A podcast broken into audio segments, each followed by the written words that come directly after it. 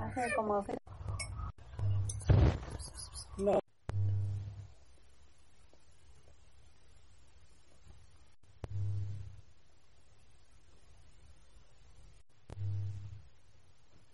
Ezberdina hori ikusiko. Kaixo, basilikan zaude. Koroan hain zuzen ere. E, koroan, e, bueno, koroko bigarren saioa da eta soinu artea eta musika arraroi buruz e, hausnartzen dugu. Oian irauen eta Enrik Hurtado gara eta gaur zaratari buruz hitz egingo dugu. E, gaur ere bai, zarataren inguruan e, lan egin duen euskal artista batekin solazean arituko gara, e, matxin edo matxin artiatz e, izena duena. Bueno, ba, zaratari buruzko galdera batzuk batako ditugu, ezta? E, adibidez, e, zer da zarata?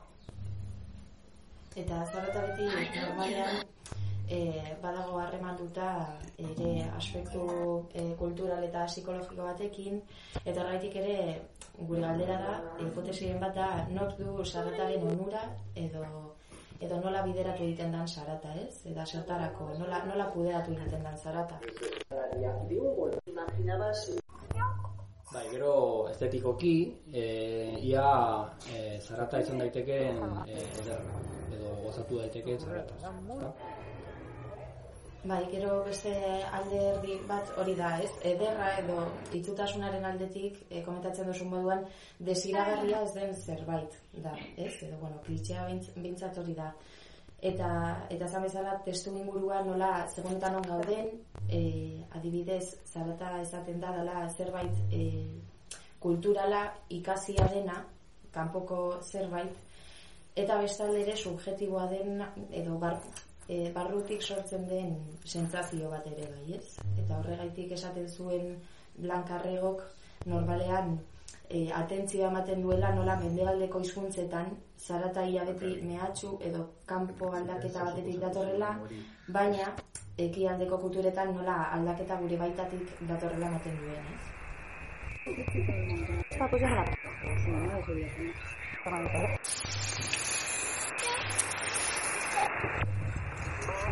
ba, jarraitzeko eh, pixkat eta kokatzeko sarataren kontzeptua e, asalduko dugu askar baten e, zein dan zarata hitzaren etimologia, ez? Nondik datorren.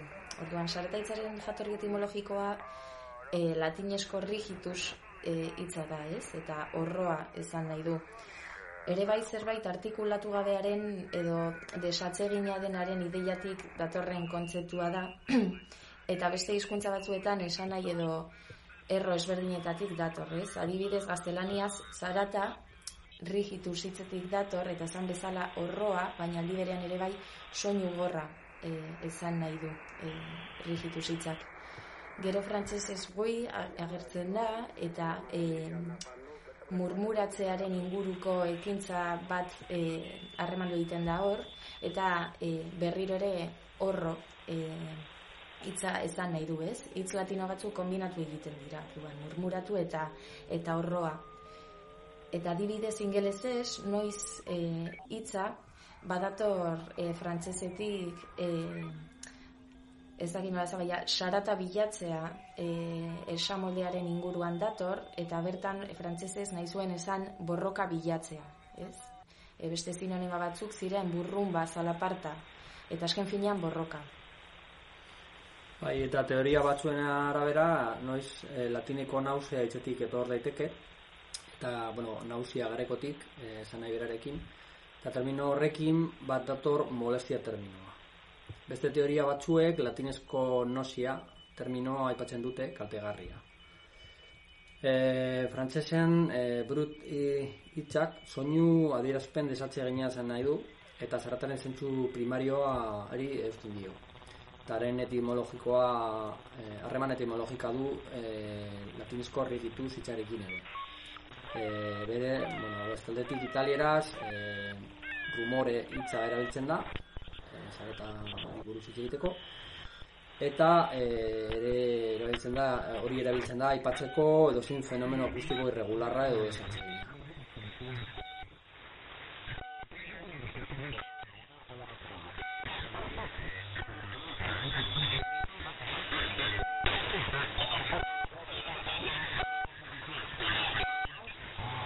Non Shandong Province.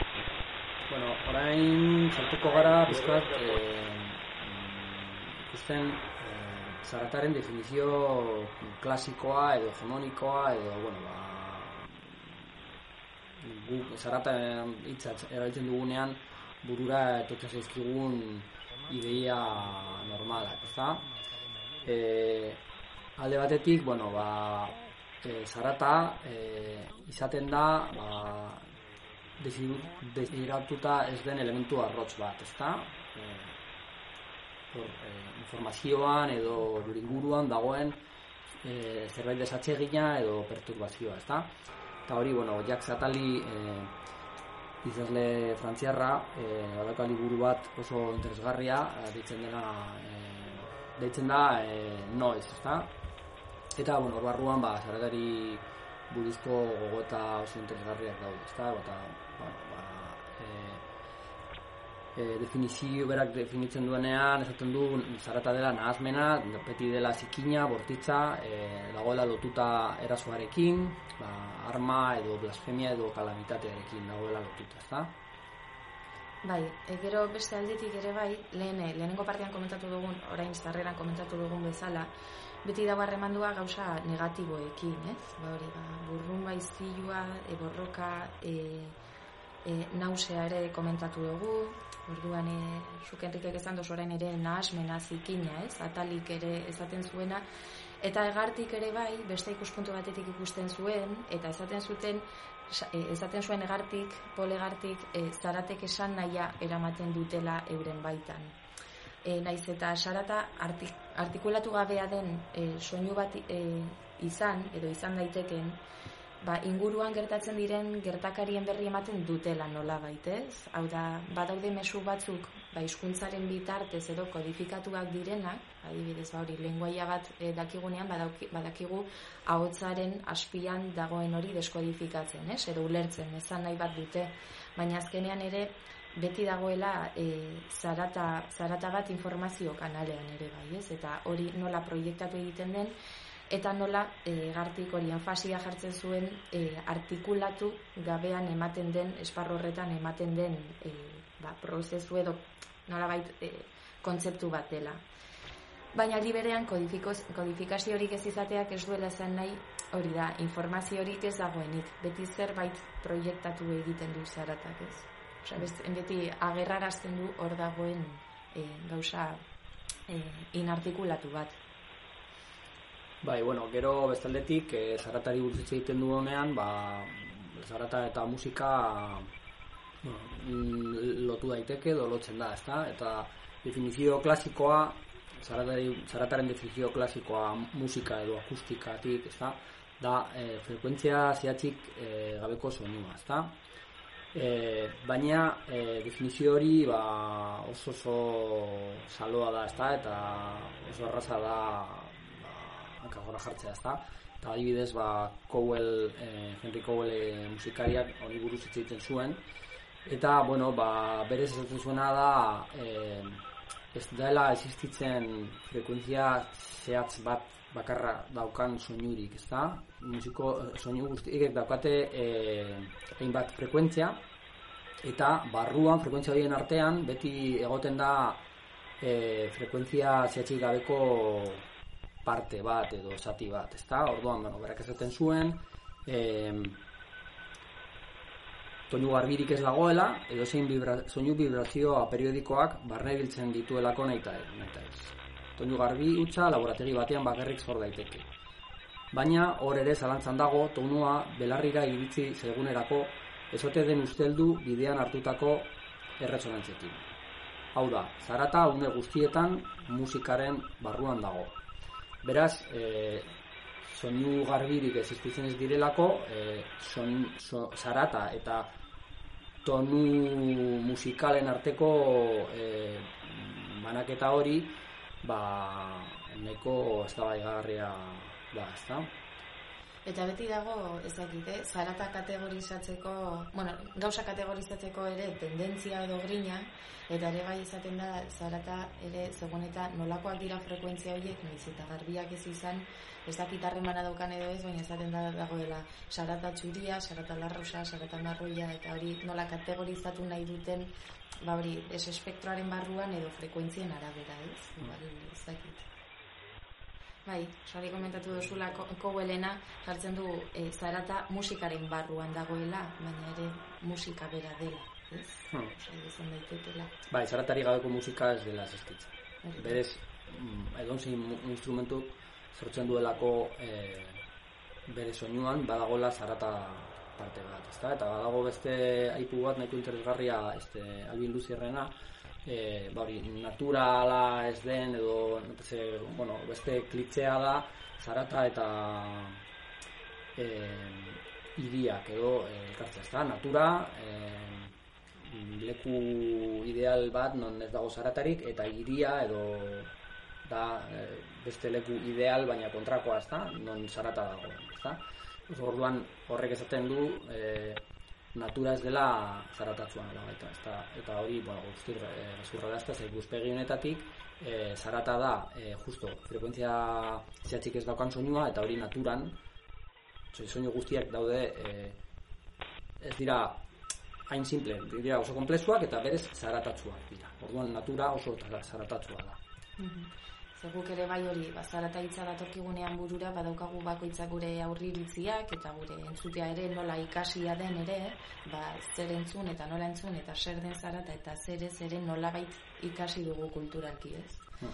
Eta orduan zuk di- eh, diozun moduan, zegoen eta zelako soinu paisaia daukagun, beti harremantzen dugu, ba, ba, natura isiltasuna, edo iria ere, ba, zurrunbiloa, edo zarata, eta, eta nola, ba, ezakit, nola konstrukto batzuk diren, ez? Mm. Nola, e, ere bai, e, zuk diozu eta bat ere, ere aditu asko, hori zuk esan duzu luzierren inguruan, gero badago ere ze liburu bat Noise Matters, ekoakustikaren inguruan, eta bertan ere azaldu egiten da nola en naturan agertzen diren e, zaratak, eta, eta ere zarata itzilak egon daitezken, eta bueno, ba, pixkat izaten duzu moduan, geroz eta zarata kontzeptua e, geroz eta gehiago ikertu, e, geroz eta ez dakit, e, paradigma geroz eta gehiago aldatu egiten da. Ez? Mm.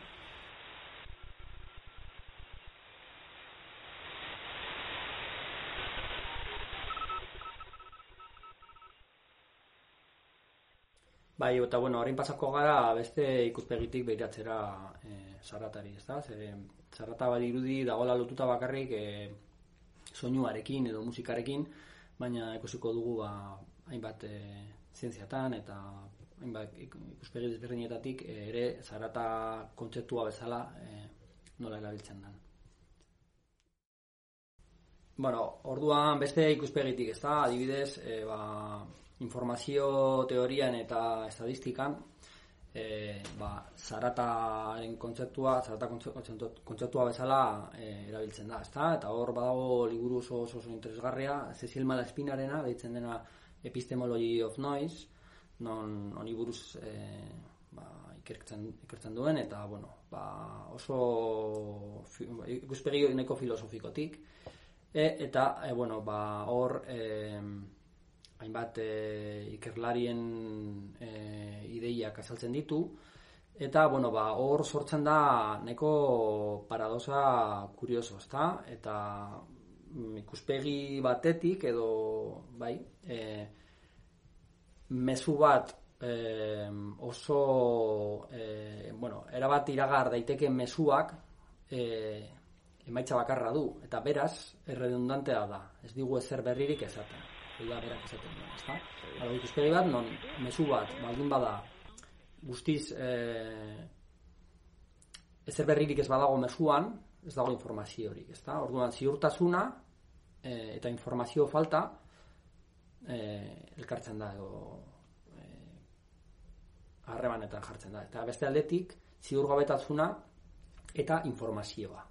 Orduan mm, berak mm, heltzen da momentu bat non berak esaten duen e, inform, informazioa sortzea bakarrik eh, gertatu daitekela e, zarata dagoenean. Zaratari gabe ez dagoela informaziora. Eta hau nahiko paradosikoa da, porque e, ikuspegi klasikoa da, zarata dela justo kon, informazioaren kontrako, ezta? Gu, mesu bat bidaltzen dugu, eta zarata gehiagi baldin badago, mesu hori desagertzen da, eta e, zarata bilakatzen da, eta ez dago informaziorik. Baina beste ikuspegi honetatik kontrakoa gertatzen da.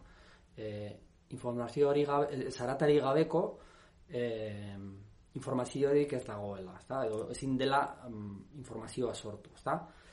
Eta, bueno, ba, nahiko kuriosa da, ezta? Ze, bueno, beste ikuspegi batzuetan, adibidez, eh, Magnuson eh, liburu batean eh, esaten du eh, repetizioa eta, bueno, repetizio, rep, repetitzen dene, direnean gauzak kopiatzen denean edo eh, itzulpen direnean gauzak, eh, batez ere eh, musikan, hitz egiten du, eh, zarata sortzen da, erroreak eh, sortzen dira, eta eh, zaratoa hori oso e, interes, oso, bueno, sortzen du beste gauza berriak. Zau, gauza berriak sortzen dira e, neurri, neurri handi bat, batean, akatzak egoten direlako kopiatzera, kopiatzeko momentuan edo.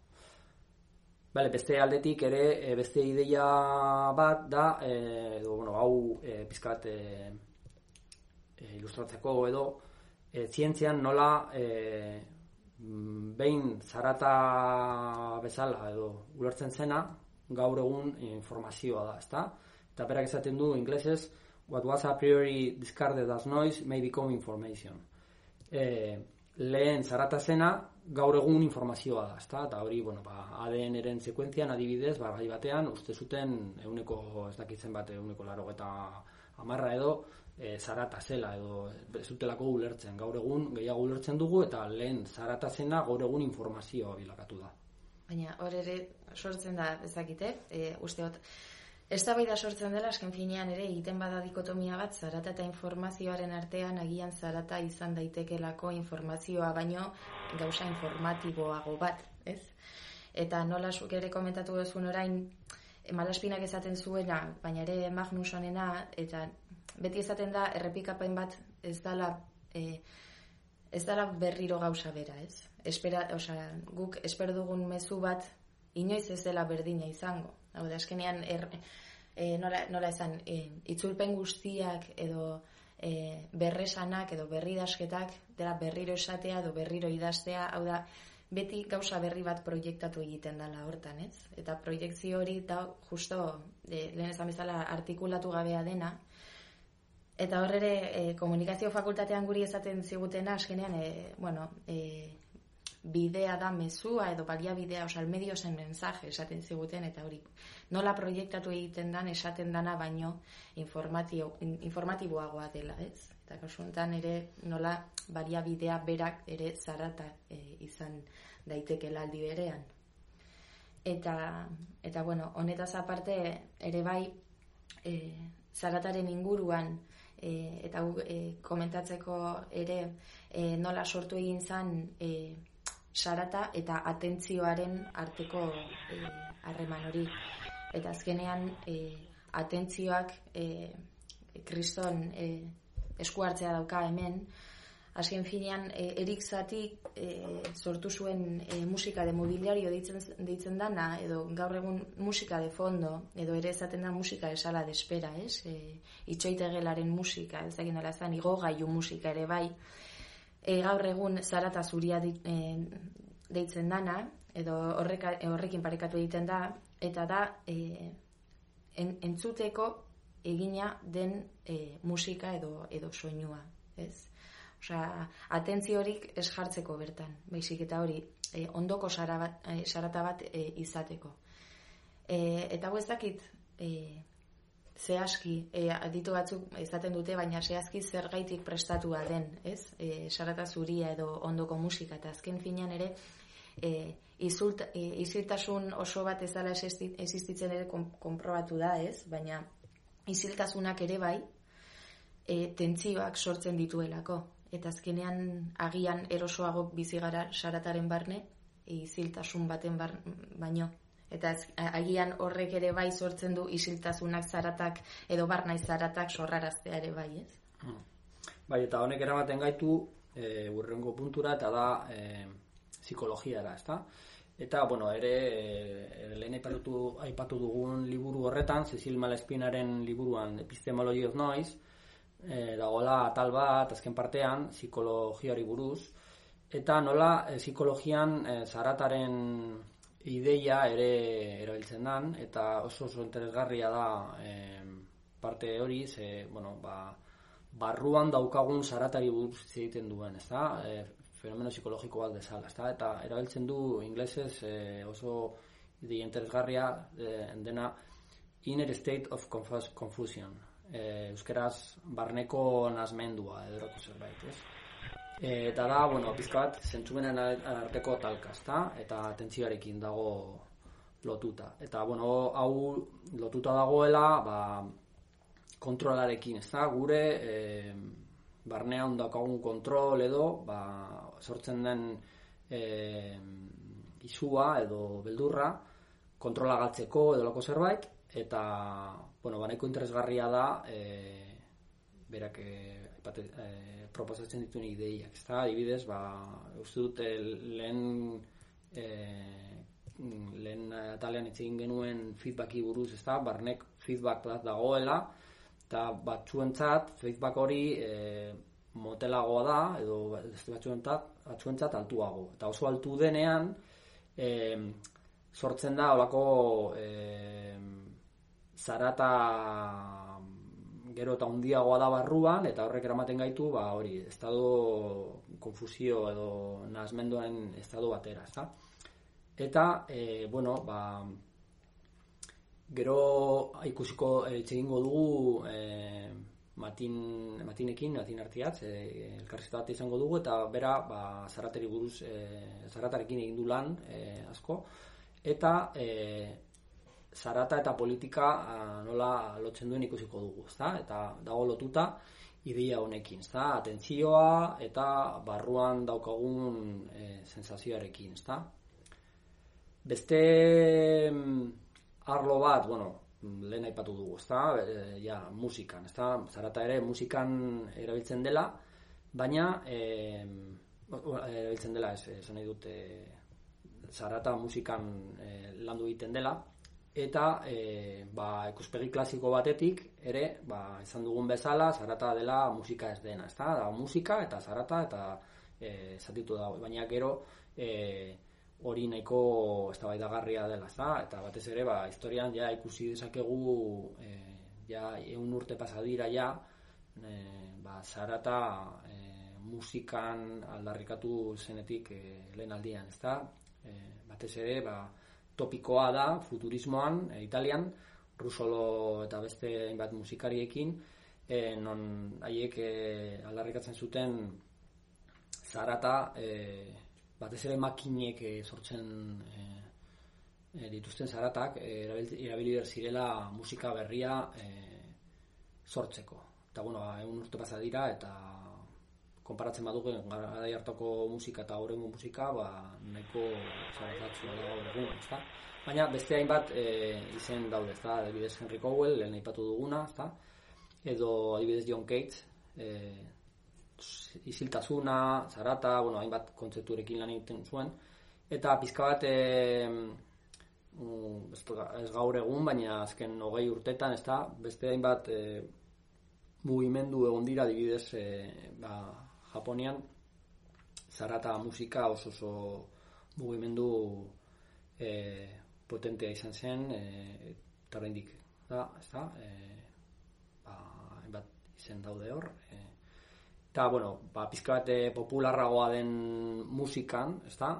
E, rock musikan ere, ba, ikuspegi klasiko batetik, ba, rock musikan dagoen iaia edo gehiena oso oso zaratatzua da, ezta? Ez gara, ez gara, joan be, eza, inolako gazo arrarorik e, e, arrarotan sartu gabe, ezta? Musikaneko normala, neko, ez, ez dakit, ACDC, ezta? Era super ezaguna diren e, taldea eta e, baina oso zaratatsua dira ikuspegi klasikotik, ezta? Hortik e, aurrera, joat zartzen bagara ja zarata puro batekin edo lan egiten duten musikariekin, pues, aurrek ja, balde, pues, Youth, edo e, e, hainbat e, generotan, ez da, pues, se, greencore edo neko estremo den e, metal, ez da, metal e, estremo edo ditzen dena, ba, hor, ba, oso, oso, musika zaratatzua da, ez da. Orduan, bueno, ba, musikan e, zaratarekin egindako lan ikaragarri dago eta e, hainbat e, e, musika garaikidean, bai musika popularrean, edo zein arlotan. Mhm.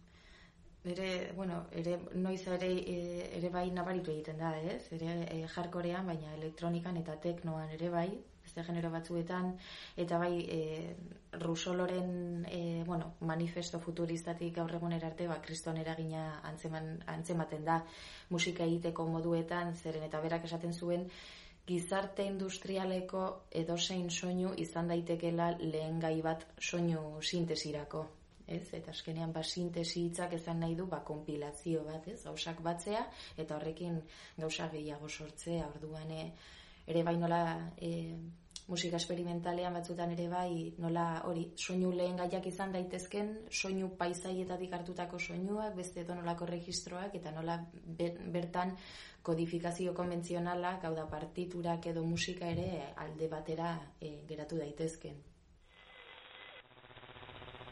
Bueno, sarata eta musikaren inguruan e, klitxe mordoa daude eta horrezegaitik saiestu nahi izan ditugu e, onako saioan. Bat daude oso esagunek diren adibideak adibidez soinu artean edo bueno, musika esperimentalan, musikan e, sarataren inguruan adibidez Merzbow, deitzen dela Masamiakita, Japan noiz inguruan aritzen dena, Eta, eta hori, gure asmoa edo, edo ideia basaiatuko gara beste leku batetik joaten beste adibide esain ez da ginara baina e, aurre iritzietatik edo kategorizazio edo klitxeetatik kanpo, ez? Eta, eta sarat eta musika konturatu gabe nazten direnean, ba, sortzen dian soinuak edo, edo abestiak e, autatuz eta zaionetan jarriz. Bale, bueno, ba, lehen azteko, hasiko gara, ba, mila beratxun dago eta bostean, eh, Henry Cowell, De Banshee, eh, egindako kompozizioa, eh, Henry Cowell oso kompozitore indesgarria da, amerikarra da, eta eh, experimentazioan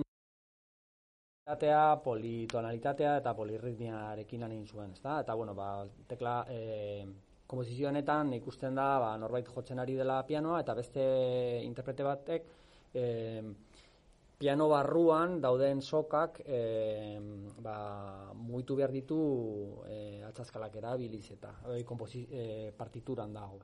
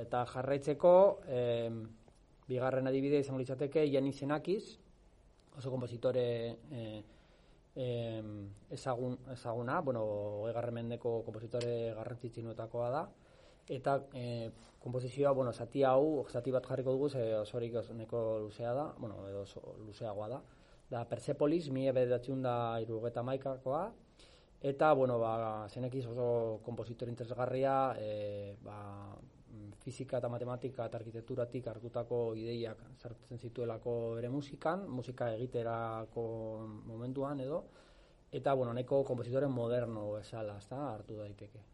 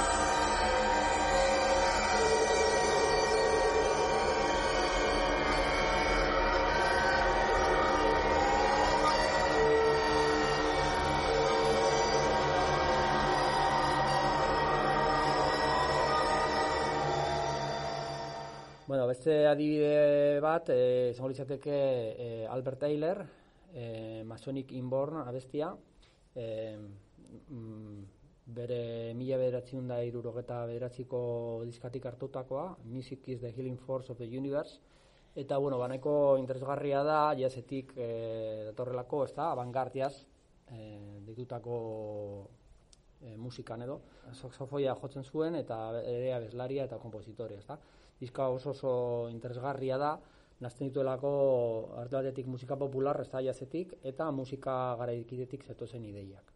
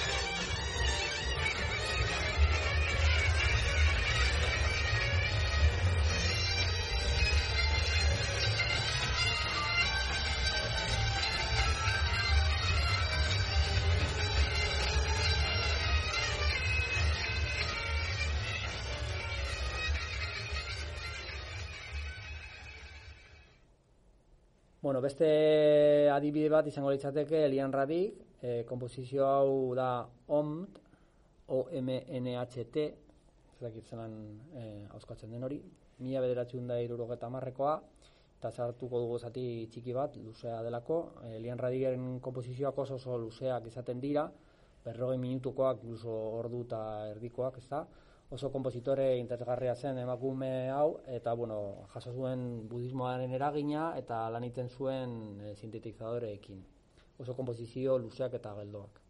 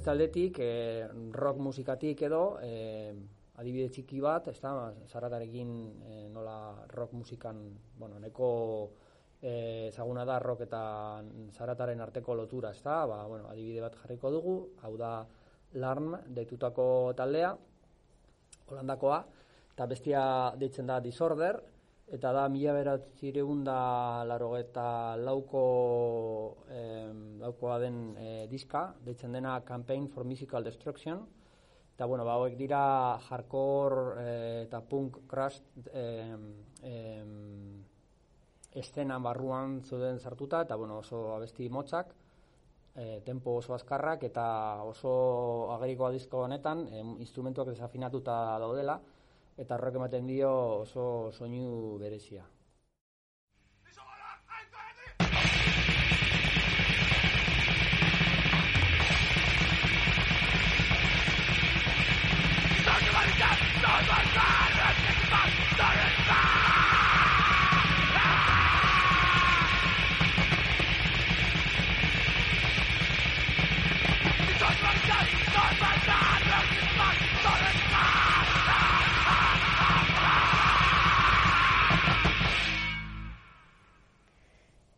Bueno, urrengo adibidea da Clara, Clara Lewis artistarena, berak badauka album bat, e, 2008koa, deitzen dana e, txu, Eta bertan, bueno, Clara Lewis da, e, bueno, bere aita nahiko musikari famatua zen, musikari experimentala, baina Clara Lewis oso artista gaztea da, eta batez ere e, musika experimentalean jarduten du, baina berak egiten duena da, soinu gerusekin asko jolastu, ez? Eta nola badoa, e, badoaz e, musikak txertatzen bata bestearen gainean eta bueno, konposizioak gero eta komplezitate gehiago hartzen dute, ez? Eta soinu paisaian ere onartzen dira eta batez ere soinu testurekin lan egiten du.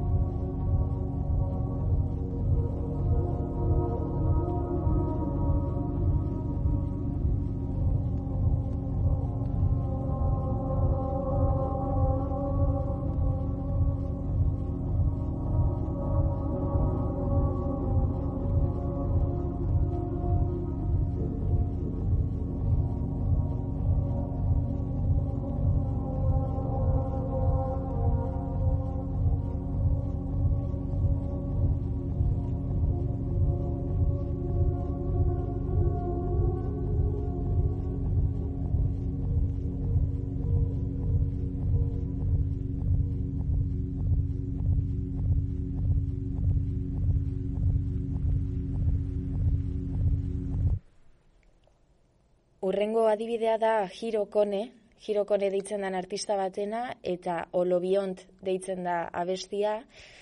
Abestia hau bazegoen berak ateratako diska baten, 2008koa, deitzen dana Pure Expenditure, eta diska honetan dron eta melodia desegituratuak nastu egiten ditu, ez?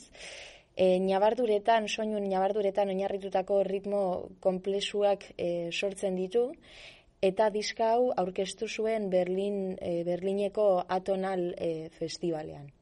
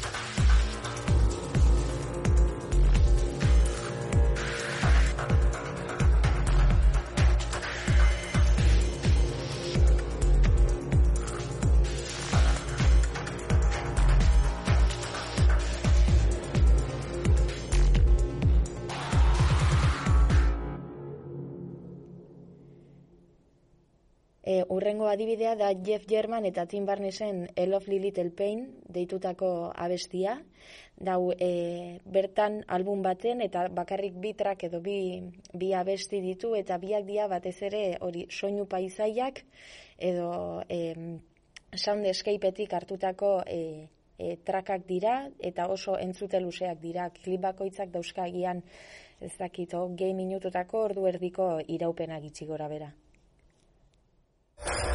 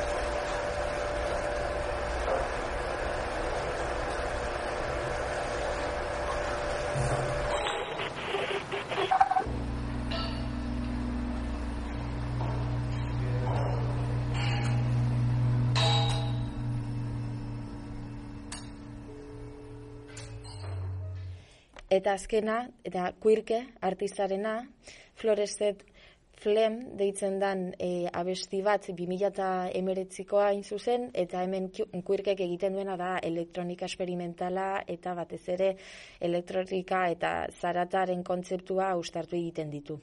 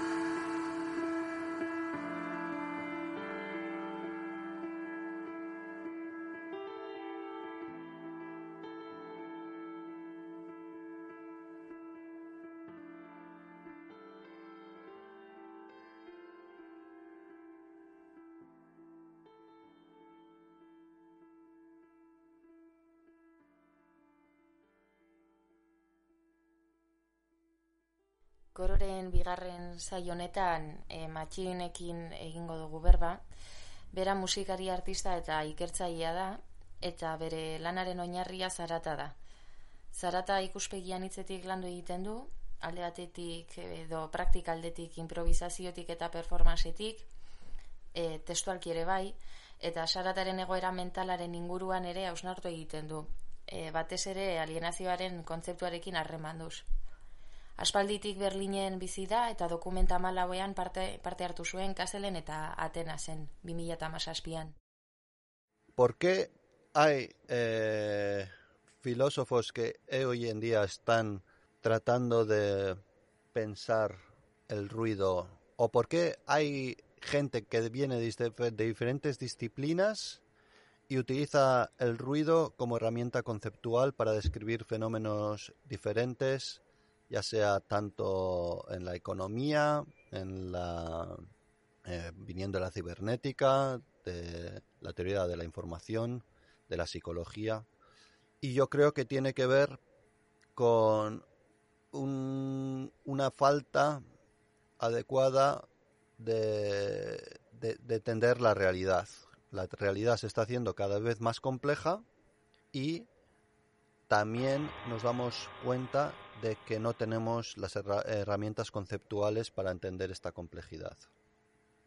Entonces el ruido es un concepto que da pie a decir, bueno, hay algo que es... Um, hay un proceso de entropía o hay algo que irrumpe en los procesos normales o algo que no se puede llegar a entender y entonces eh, el, ruido es aquello que te dice o que pone en cuestión las herramientas para entender esa re realidad.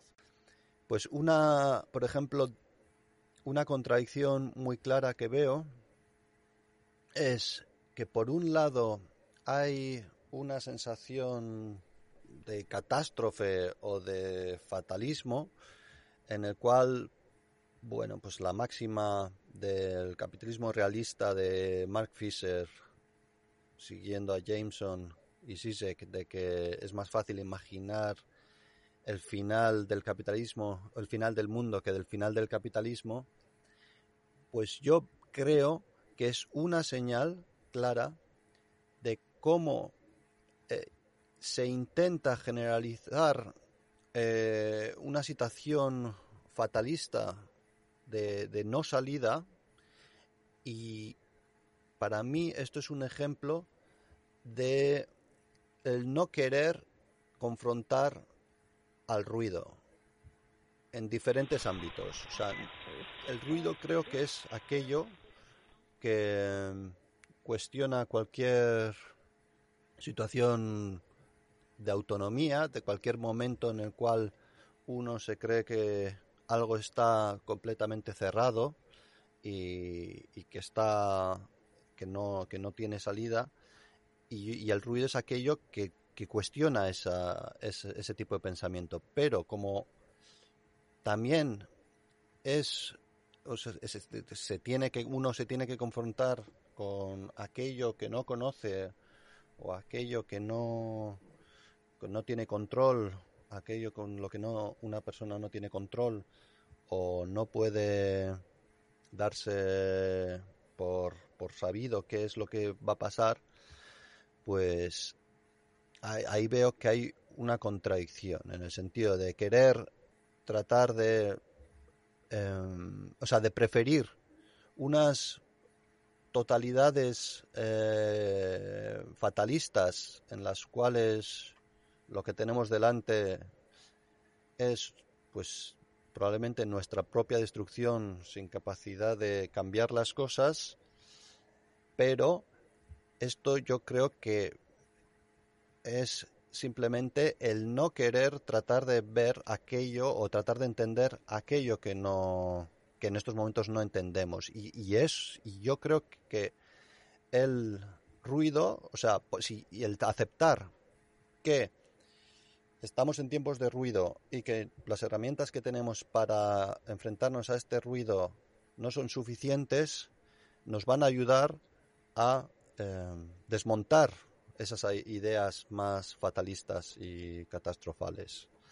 Entonces, creo que tiene el ruido tiene esa ambivalencia, ¿no? Por un lado, eh, un aspecto negativo en el cual pues pone en cuestión las normas establecidas, pero por otro lado, el, tratar de entender de qué manera eh, las herramientas que tenemos para tratar el ruido eh, no son eficaces. Y, y esto obviamente significa el tener que buscar unas nuevas herramientas y buscar y, tratar de conocer eh, mejor la realidad. O sea que no tenemos un conocimiento lo suficientemente apropiado para entender esta realidad.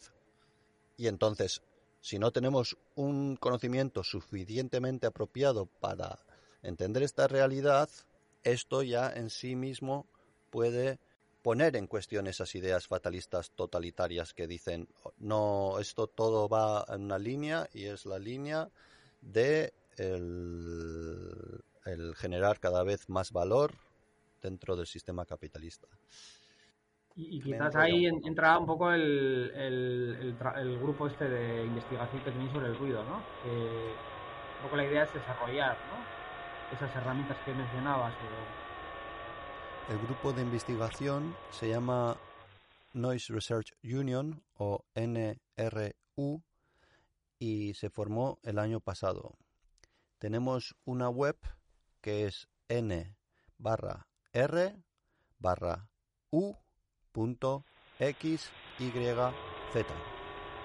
Exactamente, es por un lado eh, desarrollar, bueno, primero poner en cuestión de qué manera de qué manera se está investigando el ruido en diferentes ámbitos. Y esto, pues hay varios de los componentes de, del grupo. Bueno, estamos eh, primero Cecil Malaspina, que ha escrito el libro Epistemología del Ruido, que a ver si se traduce al castellano, que estaría muy bien. Luego, ahora está acabando de hacer el otro libro muy muy importante, Íñigo Wilkins, que se llama Irreversible Noise, el ruido irreversible. Estos dos libros son muy importantes porque tratan de manera bastante global y en diferentes ámbitos, como en la biología, como en la, eh, teoría de la información, eh, en las finanzas, en psicología. Entonces tratan cómo se está entendiendo el ruido y utilizando el concepto del ruido en todo este tipo de ámbitos. Y también, eh, por ejemplo, Miguel Prado acaba de terminar un doctorado que, que, también trata el, tema del ruido, igual desde un enfoque pues más filosófico o filosofía de la naturaleza, ¿no? Pues mirando a la biología, pero bueno, también a otros ámbitos. Entonces, bueno, hay un carácter, una perspectiva muy amplia de tratar de entender el ruido en sus diferentes vertientes. También algunas de nosotros pues también venimos del arte, eh, como Sonia de Jager, aunque también está haciendo un doctorado respecto al ruido y la inteligencia artificial, Martina Raponi, que ya ha escrito un libro sobre el ruido, mm, basado más en prácticas sonoras, y entonces estamos viendo cómo poder tratar desde diferentes ámbitos eh, la perspectiva del, ruido. Y habéis hecho, em, como tenéis que, o sea, por un lado, Cecil tiene como una serie de seminarios, ¿no? Que hace en King's College, creo que es. Y luego, y luego aparte, os habéis reunido, ¿no? Estuvisteis en, en Portugal antes de Navidades, ¿no? Y hacéis como reuniones periódicas. Exactamente, sí, sí. Todavía estamos empezando y, todavía solamente hemos tenido un encuentro que fue en noviembre en, en, Oporto, en un lugar que se llama Sopa, que está muy bien. Estuvimos trabajando durante dos días, eh, mayoritariamente haciendo, trabajando con diagramas y, tratando de ver, pues, desde diferentes perspectivas cómo, cómo se entiende el ruido. Pues un tema del que hablamos cuando estuvimos en Oporto fue acerca de una de las cosas que podemos entender es que ha habido un cambio paradigmático de cómo se entiende el ruido en el siglo XX y de cómo se entiende el ruido en el siglo XXI. Mientras que en el siglo XX se quería evitar a toda costa o se quería eh, limpiar eh, y, y eliminar el ruido en cualquier tipo de proceso, pensamos que en el siglo XXI los sistemas ya entienden que no pueden quitar o eliminar ese ruido y que tienen que tratar de gestionarlo. Y por ejemplo, Íñigo Wilkins, algo que él propone es que hay sistemas o compañías como digamos Google o Facebook que lo que hacen es mediante la inteligencia artificial no solo gestionar el ruido, sino tratarle de sacarle el máximo provecho. Eh, y entonces aquí vemos cómo la gestión del ruido se convierte también en una gestión de control. Y yo creo que esto es un cambio significativo porque se le da valor a cosas que antes, igual antes no se le daban valor.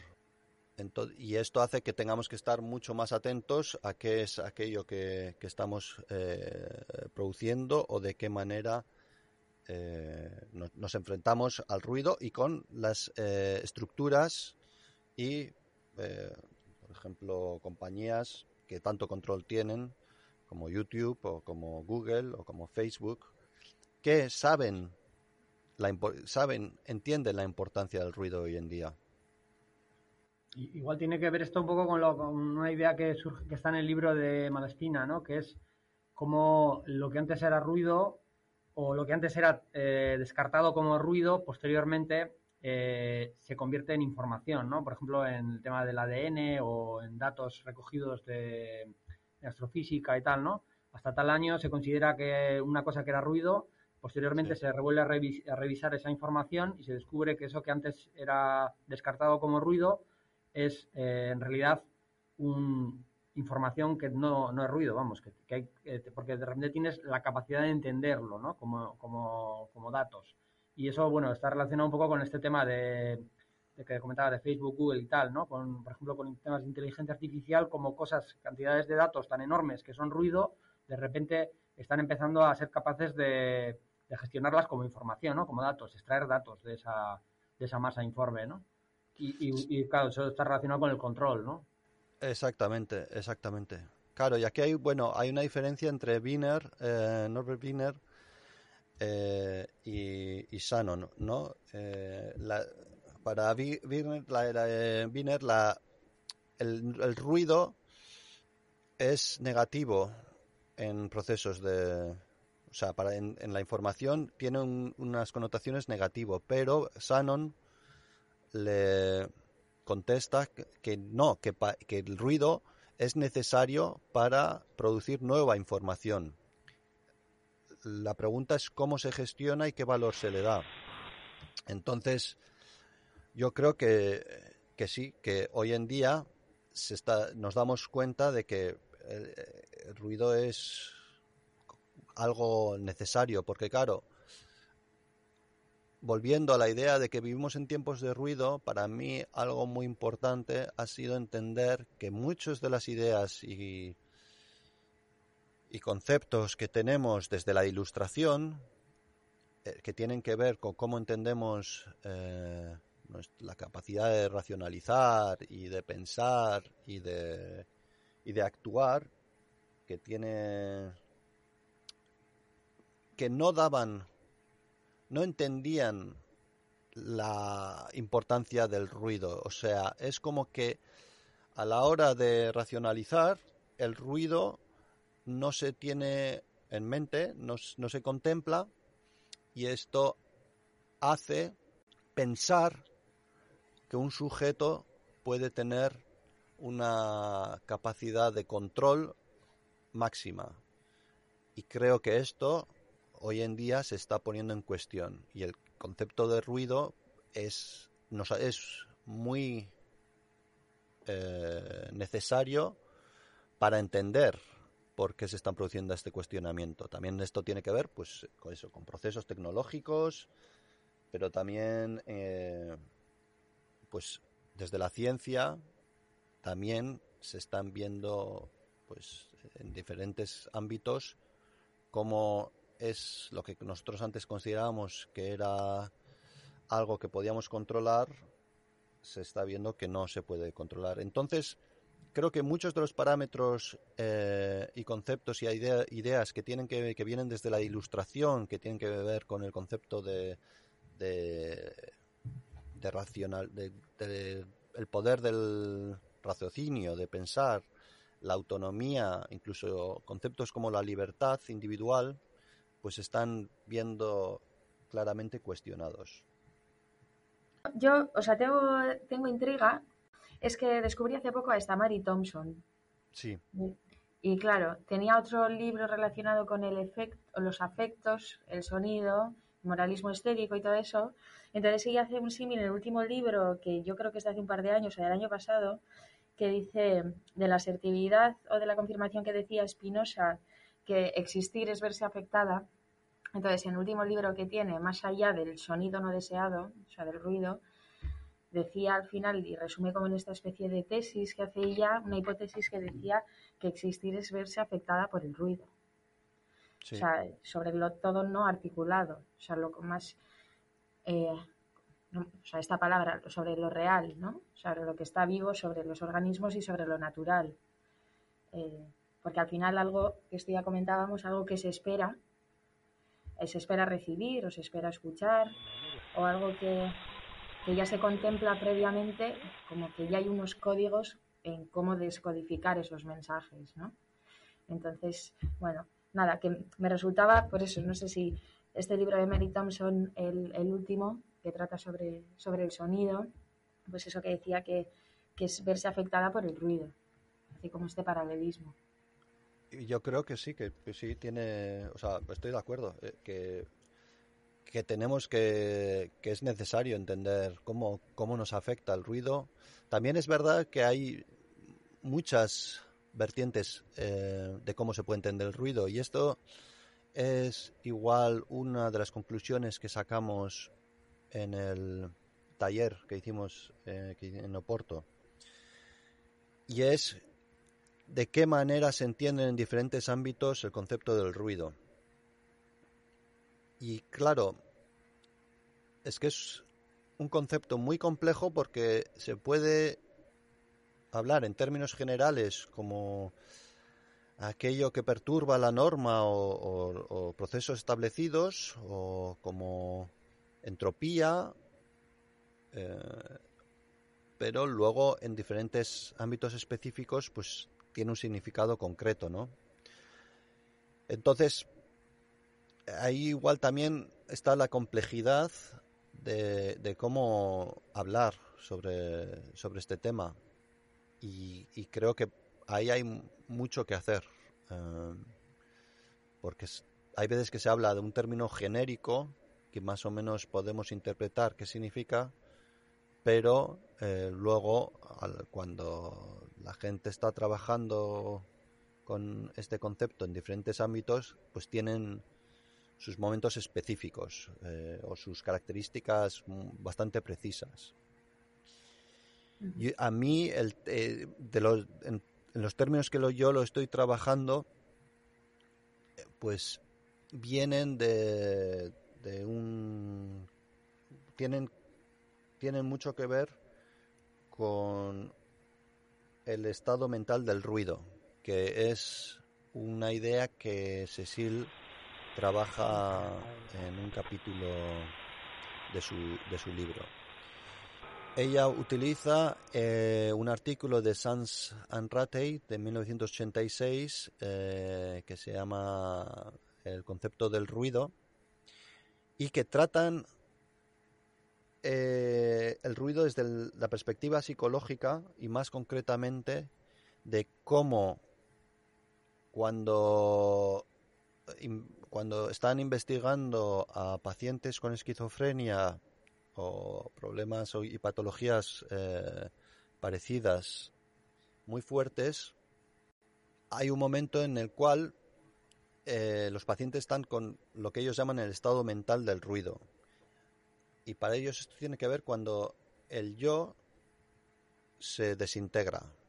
Entonces no hay como algo que contenga esa idea. Y entonces es como que se, se desintegra y entonces es como que todo está abierto y entonces no hay esa, esa diferencia entre el yo y, las otras personas y cómo te entiendes a, ti misma. Se, eso crea, está totalmente... Eh, o sea, está desintegrado y genera una, una confusión pues brutal. Entonces, yo utilizo, en cierta manera, esta, esta idea del estado mental del ruido como punto de partida para proponer que, aunque estas patologías extremas que están estudiando Sansan Ratey eh, se dan probablemente también por motivos de neurológicos y químicos, pero yo propongo que en general, sobre todo en, en, en Occidente, en, en las democracias representativas, ya hay un estado mental del ruido latente porque la idea entre eh, yo y otra persona o cómo nos concebimos a nosotras mismas es eh, problemática. Y es problemática porque tenemos una idea bastante clara o el, sistema legal en el que vivimos nos presenta con una idea bastante clara de cómo individuo eh, tú eres un sujeto legal. Y yo lo que estoy proponiendo es que es, hay una contradicción clara entre esa supuesta eh, idea de que como individuo eres un sujeto y cómo en la realidad constantemente eh, esa capacidad de hacer eh, o esa capacidad subjetiva está siendo negada. Y esto crea un, una disonancia cognitiva, pero es a nivel estructural. Esto no tiene que ver con procesos neurológicos o con ciertos procesos químicos que suceden en tu, en, tu, en, tu, cuerpo, sino tiene que ver con cómo una idea establecida eh, a nivel estructural no se adapta con la realidad que esa idea de el sujeto, el individuo como sujeto eh, es, o sea, que, es muy problemática, que no, que no se puede llegar a cumplir. Es, es, es una ilusión ideológica que igual en algún momento, pues digamos que cuando la sociodemocracia estaba en su nivel más amplio, pues había un estado del bienestar que podía mantener hasta cierto punto esa ilusión, pues, pues igual si pensamos en Suecia en, los años 70, pero que las condiciones materiales actuales no se dan como para no se dan para mantener esa, esa idea. Entonces lo que está sucediendo es que se está cada vez más empujando a la gente a un individualismo eh, cada vez más salvaje y competitivo, pero esa capacidad de hacer o, de, o, de, o esa capacidad subjetiva de, de, poder gestionar tus recursos y, tus, y, lo que tú puedes hacer está cada vez más siendo diezmada ¿no? Eh, o negada. Entonces, bueno, y esto es lo que yo llamo disonancia social. Entonces, entonces, para mí el ruido sí tiene que ver, tal vez, con esos procesos eh, o patologías neurológicas que estábamos hablando antes en relación al estado mental del ruido.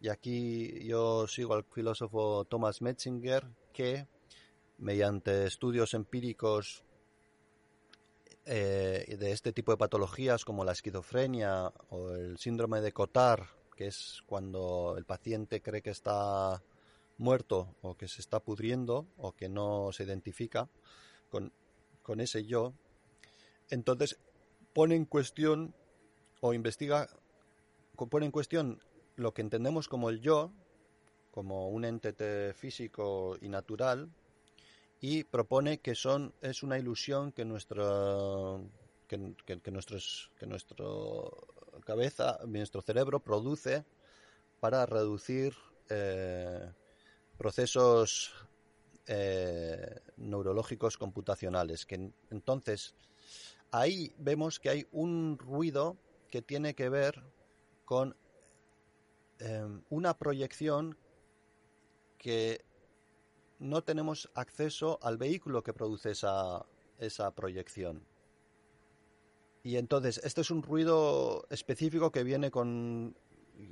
que conecta con lo que yo llamo eh, alienación desde, desde abajo, que es que tiene que ver con procesos neurocomputacionales de nuestra cabeza, de nuestro cerebro, de que producen esa idea, esa ilusión de que el como yo eres aquello que sientes. Pero si vemos estos, si entendemos estos, eh, estas patologías, como la esquizofrenia, en la cual el yo, ese, esos mecanismos están, no funcionan bien y entonces se ve que no, que, no, que no, es, o no son aquello que creemos que son.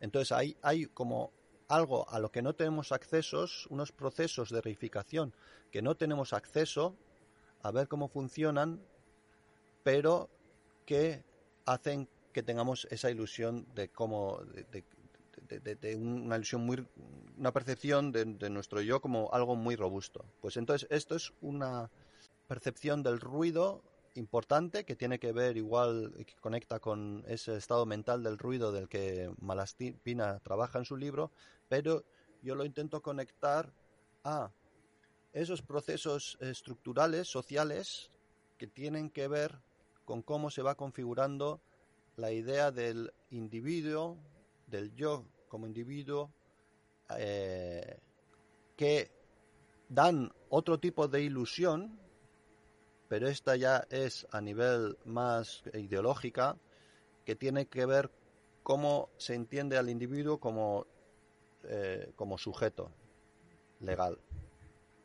Entonces yo estoy tratando de investigar el ruido en esta relación que es pues entre que tiene que ver entre la psicología y igual un concepto unas ideas más estructurales. Y aquí pues eh, utilizo a, a, Marx para investigar el concepto de alienación. Y creo que la relación una de las preguntas que habíamos escrito era la relación entre la alienación y el ruido entonces creo que la alienación inevitablemente tiene que ver con momentos de separación que contienen tal vez bueno que tienen que es un proceso dialéctico inevitablemente que tienen eh, un carácter o hay en su núcleo un, entendimiento de, la negatividad igual tal vez como aquello que produce esos procesos de, alienación y ahí es en, en, en, tratar de entender esa negatividad específica en cada, en cada proceso es donde puedo ver una conexión entre, entre el ruido y la alienación o cómo yo lo estoy entendiendo. Bien, no sé, igual podemos pasar un poco a hablar de, de la exposición que va a haber en Tabacalera, cómo participas tú ahí y bueno, si podríamos igual eh, hablar un poco, nos podrías hablar un poco de la idea de ruido, porque eh, más centrándonos en, un poco en lo sonoro y en, la música y detrás del arte, arte sonoro, bueno, o en el arte simplemente, ¿no? A través de la exposición de Tabacalera, como... Y lo de Tabacalera es como una propuesta, o sea, como en líneas comisariales hay como una propuesta temática o así como más de contexto, o es propuesta individual a cada una de vosotras con una pieza ya hecha Pierre Valblanc, el comisario, que es de hecho quien me invitó a Documenta en el 2017 y también me invitó a hacer una exposición en el 2010 en CAC Pretini cuando él estaba allí, trabaja de manera bastante conceptual. Y bueno, en esta exposición, eh, que va a empezar el, el 18 creo, eso es, el 18 de febrero en Tabacalera, y eh, el 19 va a haber varias eh, performances o interpretaciones, pues con Paulino Oliveros, Alvin Lucier, Georgia Sagri también va a presentar un libro. Yo voy a presentar, va a ser la primera presentación del libro de disonancia social que acabo de acabar. Entonces va a haber este programa público y por otro lado pues va a haber una exposición en la cual pues se trabaja la música desde la partitura y el arte conceptual. Como he comentado, Pierre Valblanc trabaja siempre como dándole una vuelta de tuerca al, al a, la idea del espacio expositivo y de la autoría y el rol como comisario. Entonces, por ejemplo, pues tengo que comentar que mi pieza es algo bastante curioso, ¿no? Para una vez que expongo en, Euskal Herria, pues sucede que él lo que ha sugerido es tomar un proyecto que estoy haciendo en, en Lisboa desde el 2019 y será hasta el 2023, que se llama Expanding Concert. Esto es un concierto en el cual eh, se está realizando unas intervenciones anuales en cada espacio de galerías municipales, que son cinco galerías, cinco espacios en Lisboa. Y yo hago un concierto en cada, cada año con la idea de jugar eh, con el término de mm, call and response en improvisación, de cómo se llama, cómo sería en castellano, llamar y responder. No, no tiene sí, eh, no, sé, no, sé no hay traducción realmente. Si usa el pinky ponky, ¿te refieres un poco a esa idea? Eso es, sí. O sea, que tú haces algo y la otra persona con la que interactúas, pues responde. El caso es que aquí Mm. Lo que he tratado es hacerlo, es expandirlo en el tiempo, incorporar, entonces lo que he hecho es invitar a, en cada intervención hay alguien, una escritora, un escritor que escribe una respuesta a lo que ha sucedido en, en el espacio y pero también con lo que, una respuesta a lo que está pasando en términos generales, pues ya sea en, Lisboa o, bueno, y entonces en el último año, en noviembre, yo le invité a Pierre Valblanc y estaba allí. Y entonces él era la persona encargada de escribir un texto como respuesta a lo que yo a lo que yo hice. Yo también cada año invito cada vez a sumarse músicos que se van sumando. Pues este año fue con eh, DJ Marfox y con Margarida García, en la cual nosotros respondíamos a otro texto que se había escrito el año anterior. O sea que es como un concierto conceptual expandido a lo largo de cinco años en Lisboa, en la cual invitamos a eh, escritores y escritores a responder. Entonces, Pierre lo que ha hecho es utilizar el texto como esa va a ser mi pieza, pero es su texto. Entonces, eh, bueno, pues como ves, igual esto te ayuda a entender que la vuelta de tuerca que hace, ¿no? O sea, que o sea, estoy invitado como artista, pero pero bueno, es un texto que él ha escrito en relación a algo que yo he hecho en Lisboa. Pero el día 19 de febrero va a haber ciertos eventos. Eh, por ejemplo, va a empezar con una interpretación de una partitura de Paulina Oliveros, que, de Greeting, que la interpretaré yo, tratando, o sea, como dando la bienvenida al público. Luego, eh, Mathieu Saladín va a hacer un taller y eh, va a ser eh, respecto al trabajo de Alvin Lucier. Luego Delia González va a hacer una interpretación eh, inspirada en la música de amueblamiento de Eric Satie. Luego yo estaré presentando con Pierre el libro de la disonancia social y finalmente Georgia Sagri va a presentar su libro eh, y leer eh, su libro eh, Stage of Recovery. Entonces, bueno, pues va a ser, si a la gente que le interese la música experimental, el arte, el arte conceptual, las partituras y utilizarlas de manera diferente, pues creo que puede, puede ser muy, siempre, bueno, obviamente yo soy fan de, del trabajo que hace Pierre, él siempre le da una vuelta de tuerca y, bueno, tengo que reconocer que es probablemente el comisario con el que más afinidad tenga y que más eh, entiende mi práctica, o sea que yo, bueno, pues encantado de participar en esta en esta exposición. Ahora eh, os voy a pasar ahora para que pongáis em, al final, si queréis, un fragmento de una pieza que hemos realizado pues hace un par de semanas con Asa Sesadri, o sea, Asa Sesadri y yo.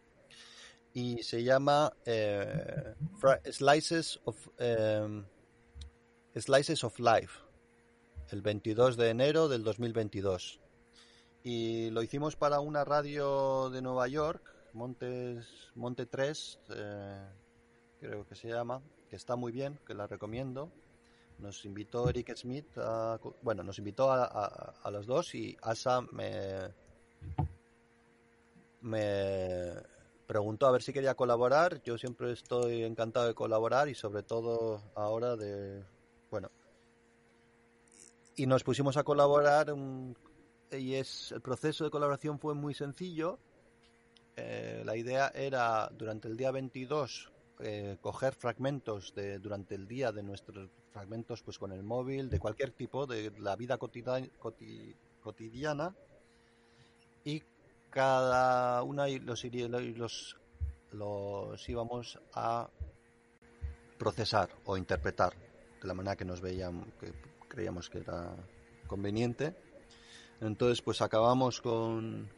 Eran 15 fragmentos cada uno que hicimos y luego otros 15 cada uno que procesamos, y o sea, 30 cada uno, al final se, son 30, 60, 60 minutos, cada un fragmentos de un minuto, y luego les pudimos un randomizer para el orden de cada de, el orden final de la pieza. Y entonces se presentó el martes, este martes creo que se presentó en esta radio, Radio Montes, eh, sí, sí, es Montez, radio.montezpress.com y realmente tiene muy buena pinta. O sea que la recomiendo enormemente. Y esta es la pieza que vamos a sacar, nos quedamos tan contentos que la vamos a sacar eh, con Flea, que es un sello que lleva Jack Callahan. desde Nueva York.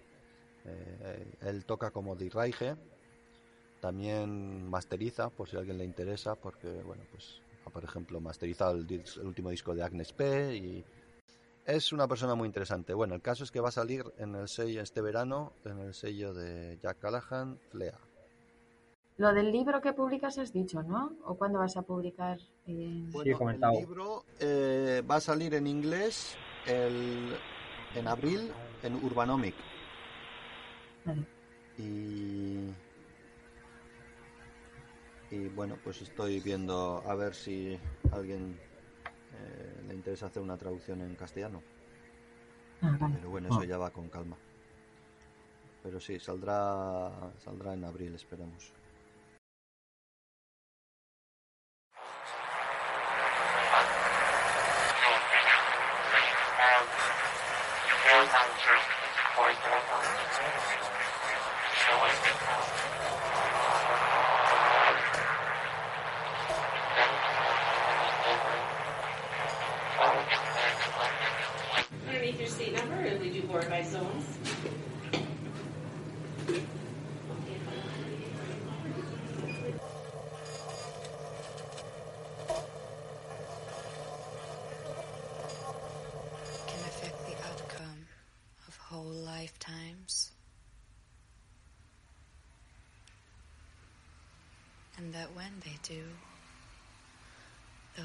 Dozen hours, like the selfish remains of a burned house, the charred clock,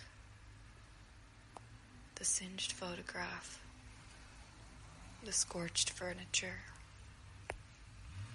must be resurrected from the ruins and examined, preserved, accounted for little events, ordinary things, smashed.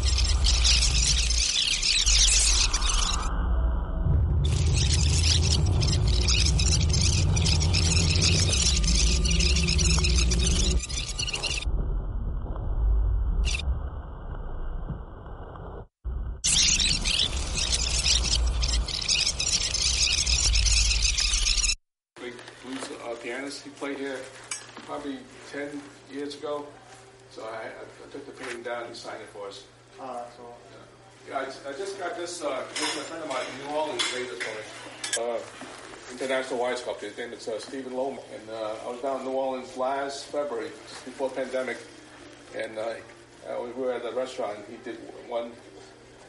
I said, "Hey, I'd, I'd like I like to have one of those in my restaurant." So I, I said, "This is what I want: a top hat." You know, I mean, awesome. I mean, he gave me the uh, the wire pieces that he did for for the for the, uh, for the oh, wow. yeah for the studies. Yeah. Cool. Yeah, I love it. You can go straight amazing. out this way. Yeah, you like. Oh, okay. oh, maybe she's outside already. Probably outside. yeah, she's been here a ton. This is Vicky Wolf. Vicky was a student at Hamilton. All, all 30, How's it going? Yeah, he bites. He bites. Oh, he bites. All right. Okay, cool. no, he bites. Okay. Okay. Okay. Okay.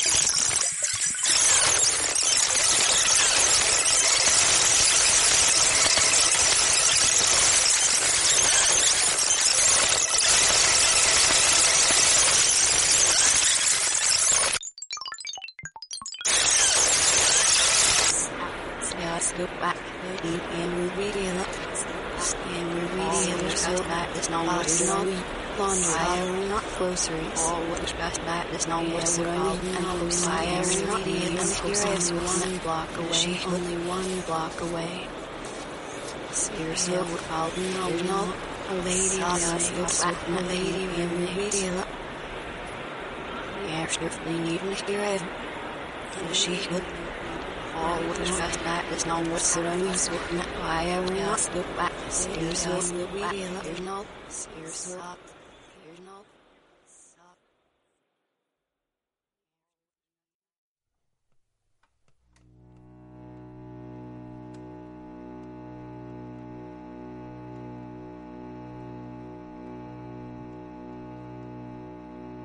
judizio generalaz nola horit ez dira. Bekatuan bizi dira beti bere aixira egun hartan galezkiten aitzinetik begira. Anor duian ez dukegu